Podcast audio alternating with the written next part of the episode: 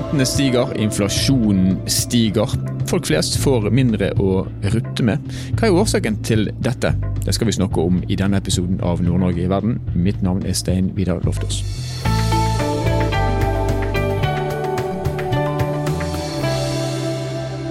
Under årets Agenda Nord-Norge var naturligvis både økonomi, strøm, renter og krigen ikke minst i fokus i mange av foredragene. Elisabeth Holvig hun er sjefsøkonom i Sparebank1-gruppen, og hun eh, trakk dette sammen og snakka om hvordan ja, hele dette bildet da vil prege økonomien til meg og deg og til bedriftene i tiden som kommer. Ja, god morgen. Eh, kjekt å se så mange her i dag. Um, jeg skal starte med å snakke om uh, det som er for oss i finansbransjen er det mest viktige. Det er risiko. Skal du tjene penger, så må en ta risiko. Å forstå risikoen i systemet det er helt avgjørende for å lykkes. Og jeg har starta med et sitat av Mark Twain, uh, som sier at det er det du ikke veit, som i trøbbel. Men det er det du er sikker på at sånn er det, sånn er verden, og så viser det seg at det var jo ikke sånn. Og Jeg har illustrert det med gass i Europa. Alle tenkte jo at det der med det grønne skiftet og vindmøller det var kjempesmart. Også at vi kunne bruke litt gass fra Russland som sånn balansekraft. Det går sikkert fint. Og så viser det seg at eh, det var jo skikkelig dumt, for verden var ikke sånn. Vi var jo ikke blitt venner med Putin. Putin hadde ikke endra seg. Og vi burde jo visst bedre når han tok Krim, at uh, han kanskje ikke var så snill som det vi trodde. Så jeg tror det er veldig viktig for oss nå. Det er Når vi skal endre oss, så er det første du må gjøre, det med å innse at en del av de tankene og tro om hvordan verden har vært, det er ikke sånn. Og da må vi ha ydmykhet nok til å tenke nytt. Så det skal være mitt lille forsøk her i dag, å få dere til å tenke kan det være at verden ikke er sånn som jeg tror. Og Den viktigste konflikten i verden den er mellom USA og Kina. Og Putin kunne aldri gått inn i Ukraina om han ikke hadde full ryggdekking fra sin gode venn i øst. Og Den eh, amerikanske ørna titter litt opp på dragen og sier har du, har du lagt på deg litt i det siste? Og Det er veldig illustrerende for den maktforskyving vi ser, for det skjer så gradvis at vi får det egentlig ikke med oss. Det skaper ikke overskrifter, det er ikke noen åpne konflikter. Det er en snikende til Altså, du grabber til seg makt så sakte og forsiktig at vi ikke får det med oss. Og i sånne perioder, som egentlig verden har vært i etter andre verdenskrig, med én supermakt Det har vært USA som har definert alle systemer i verden, fra valuta til rettssikkerhet til FN, WTO, you name it. I sånne perioder så er det fred og fordragelighet, og vi kan ta ut alle gevinsten med globalisering. Nå er vi i endring. Og Da må vi se tilbake til tidligere tider, der det har vært disse store skiftene i verdenshistorien. Og det har det vært de siste fire stormaktene i verden. Og i serien her så er Kina de var stormakten i verden på 1500-tallet. Så for Kina, som egentlig er en sammenhengende sivilisasjon, mange tusen år gammel, så tenker de på de siste 500-600 årene som en liksom bump in the road. De skal tilbake dit. Det er målet. De tenker langsiktig. Og de har et styresystem som gjør at de kan tenke langsiktig. Og når sjefen sier marsj, så er det 1,4 milliarder mennesker som går i samme retning. Det er ganske unikt sammenlignet med vårt styresystem, der det er, liksom, det er meningsmålinger og valg nesten kontinuerlig. Hvis en ser liksom på de tre siste stormaktene, Nederland på 1600-tallet, det var de som fant opp børs og aksjer. Så har du Storbritannia, som var industriell revolusjon. Og USA egentlig litt av det samme som Storbritannia. De tre det er protestantiske nasjoner. Og hva var det Luther med protestantismen ga oss? Jo, at vi alle måtte lære å lese, lese Bibelen og tenke sjøl. Og Det ga jo grunnlaget for en fantastisk utdanningsrevolusjon. Så her har Ray Daly og dekomponert hva gjør at en stormakt er en stormakt. Og det viktigste er kompetanse. Se hvordan Ukraina greier å stå opp mot Russland fordi de har bedre kompetanse, de tenker sjøl, de er smartere og har tilgang på bedre teknologi. Kjempeviktig. Så utdanning gjør at du blir konkurransekraftig, du kan ta i bruk ny innovasjon, teknologi, og så blir du etter hvert en stormakt, og til slutt så kan du definere spillereglene og få reservevalutaen. Veldig viktig også i det finansielle. Kina er på vei opp, satser knallhardt på utdanning, teknologi. President Xi har personlig ansvar for teknologi i privat sektor for å koble det opp til det militære. Dette er en bok fra 1996 som heter 'Clashes of Civilization'. Og En skal huske at når muren falt og Sovjetunionen kollapsa, så tenkte vi i Vesten at da har vi vunnet. Hvis vi bare venter litt, så vil både Russland og Kina de vil bli liberale demokrati. De har lyst til å bli som oss. Det var også forutsetningen når vi tok Kina inn i WTO i 2001. Da tenkte vi vi handler, vi blir avhengige av hverandre, og da blir det jo fred. Sant?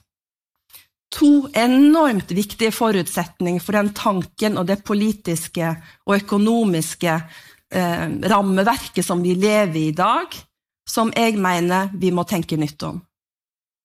Verken Putin eller Xi har lyst til å bli som oss, og vi har et helt belte her av muslimsk brorskap som heller ikke er spesielt interessert i å bli verken liberale eller demokratiske. Så dette utfordrer vår tankesett og hvordan utsiktene fremover kommer til å bli. Veldig spennende dokumentar som ligger på NRK, som heter 'Øst-Asia en tikkende bombe'. Og Der forklarer de denne nye gråsonetaktikken som Kina har brukt for å utøve sin makt uten at vi egentlig har fått det med oss. Og Det første de gjorde, som er veldig interessant og parallelt til fiskeri her, de brukte kinesiske fiskere til å legge seg rundt dette Scaraborevet utenfor Filippinene, godt innenfor filippinsk økonomisk sone. Så kom den filippinske kystvakta og sa dette er filippinsk, dere må dra. Så kom den kinesiske marinen og la seg rundt den filippinske kystvakta. Og sånn lå de i én måned. Ingenting skjedde, det var freeze. Ingen fra Nato som kom, ingen fra USA. Og til slutt så ga den filippinske kystvakta opp. Kina opp med flagget. Kinesisk. Ikke ei kule ble løst. De brukte sivile fiskere. Høres det kjent ut? Og det var, hvis dere hører på, nå kan det hende de militære vil bruke det samme begrepet etterpå, at hvis de hadde gått inn militært, så ville det være et uforholdsmessig reaksjon. Da ville Nato ha vært den aggressive hvis de begynte å skyte på disse fiskerne. Så dette er taktikken, og våpnene er sivile, og det er private bedrifter. Så nå må vi begynne å forstå hvordan de agerer, og så må vi endre vår holdning til enkeltpersoner og private bedrifter. Kina tenker langsiktig. De har masse planer i skuffene hvis ting skal skje. Hvis det blir isfritt i nord, ja, da har vi en fin plan her for en sånn eh, polar silkerute her. Da er vi klar for det. Det digitale det var jo på en måte når en innså at Huawei og den 5G-teknologien var verdensledende. Når USA skulle bygge om til 5G for en del år siden og måtte bruke kinesisk teknologi, så skjønte de at det her var ikke så lurt. Og så var det begynnelsen på den dekoblinga av teknologi og handel med Kina. Og så var det sjøkabler, da. Hvem er det som har tenkt på sjøkabler før eh, inntil ganske nylig? Vet dere hvor internett går hen? De går i sånne sjøkabler. Og det er omtrent 200 av de. Så hvis Russland, som har bygd opp kapasitet til nettopp å ta da ut sjøkabler, får lyst en eller annen gang i fremtida å ta ut internett, så kan de det. Og det er også en ting som vi må tenke på. Og det som først og fremst blir ramma, er jo da handelstransaksjoner mellom Europa og USA bort til reservevalutaen. Kina har også fullstendig dominert med mineraler, metaller, for det grønne skiftet. Europa var veldig tungt inne i handel med Afrika rundt 2000. Nå er Kina den største handelspartneren. Så Kina og Russland til sammen de kontrollerer nesten alt av mineraler og metaller i verden.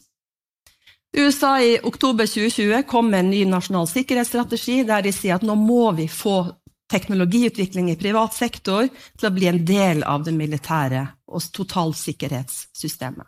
Og de diskuterer var det feil å ta Kina inn i WTO. Da må jo vi tørre å tenke tanken ja, men hvis de da kommer til at ja, det var feil, hva skal vi gjøre da? Så det er de tankene vi må tenke. Og problemet for Vesten er at vi har flytta så mye produksjon til Kina og andre lavkostland at vi har fått problemer med produktivitetsveksten. Og det er det som definerer velstanden i et samfunn, hvor produktivt du greier å utnytte ressursene. Så alle kriser siden finanskrisen i 2008, som var den første sprekket i denne vekstsymbiosen mellom Kina og USA, at Kina fikk stadig større handelsoverskudd, for vi flytta jo produksjonen dit. De solgte det til Vesten, og overskuddet investerte de i USA for å holde valutakursen fast. Og det trykka jo ned rentene og skapte bobler og glede for oss. Sant? Oppgang i aksjemarkedet og boligmarkedet. Men det har vært en, drevet av en vekstsymbiose mellom USA og Kina. Hvis alt det nå skal reverseres, de globaliseringsgevinstene vi har tatt ut siden 2001, så står vi foran en lengre periode med høye renter enn det vi mange av oss kanskje ønsker og håper på. Så nullrente, pengetrykking, store finanspolitiske krisepakker har vært medisinen, samtidig som vi har bygd ned egen produksjon, og vi har satsa på vindmøller og ting som ikke har gitt stabil kraft. Så den krisa vi står i, handler om at vi har altfor mye penger. Vi har trygt penger, og vi har for lite egenproduksjon av kraft og de varene vi trenger. Og Det gjør at rentene nå må opp. Vi må bremse og få frigjort ressurser fra noe over i investeringer og kraftproduksjon. Så vi må flytte ressurser i økonomien. For Norge så er kronekursen utrolig viktig. I oppgangen, når vi hadde høy oljepris, store investeringer i oljesektoren, så hadde vi også en veldig sterk eh, kronekurs. Nå har vi gradvis svekka kronekursen, og mange tenker at ja, det er jo bra for eksporten. Jo, men det kamuflerer òg at vi har et kostnadsproblem i Norge. Vi er ikke konkurransedyktige. Og skal vi greie å snu oss rundt og nå de målene som næringsministeren snakka om, doble eksport, så må vi bli mer konkurransedyktige. Det hjelper ikke at staten kaster penger på ting. Vi må bli mer konkurransedyktige. Og når krona er svak, så øker importert prisvekst. Det blir økte kostnader for de som må importere. Og det er vanskeligere å få arbeidsinnvandrere hit for å dempe presset i arbeidsmarkedet. Og Ser en tilbake til finanskrisen, da, så ser en at norske kroner er den av de sammenlignbare landene som har svekka seg mest. Og for meg som gammel, jeg har jobba i New York og jeg har gitt råd til verdens valutaspekulanter For meg sier jeg at her er det noe som er svakt i strukturen i den norske økonomien. Er ikke så veldig konkurransedyktige. Og det viser også tallene. Handelsbalanseoverskuddet utenom olje har falt de siste årene. Samtidig så de som har penger å investere sant, i aksjer, de vil gjerne kjøpe Apple og Tesla.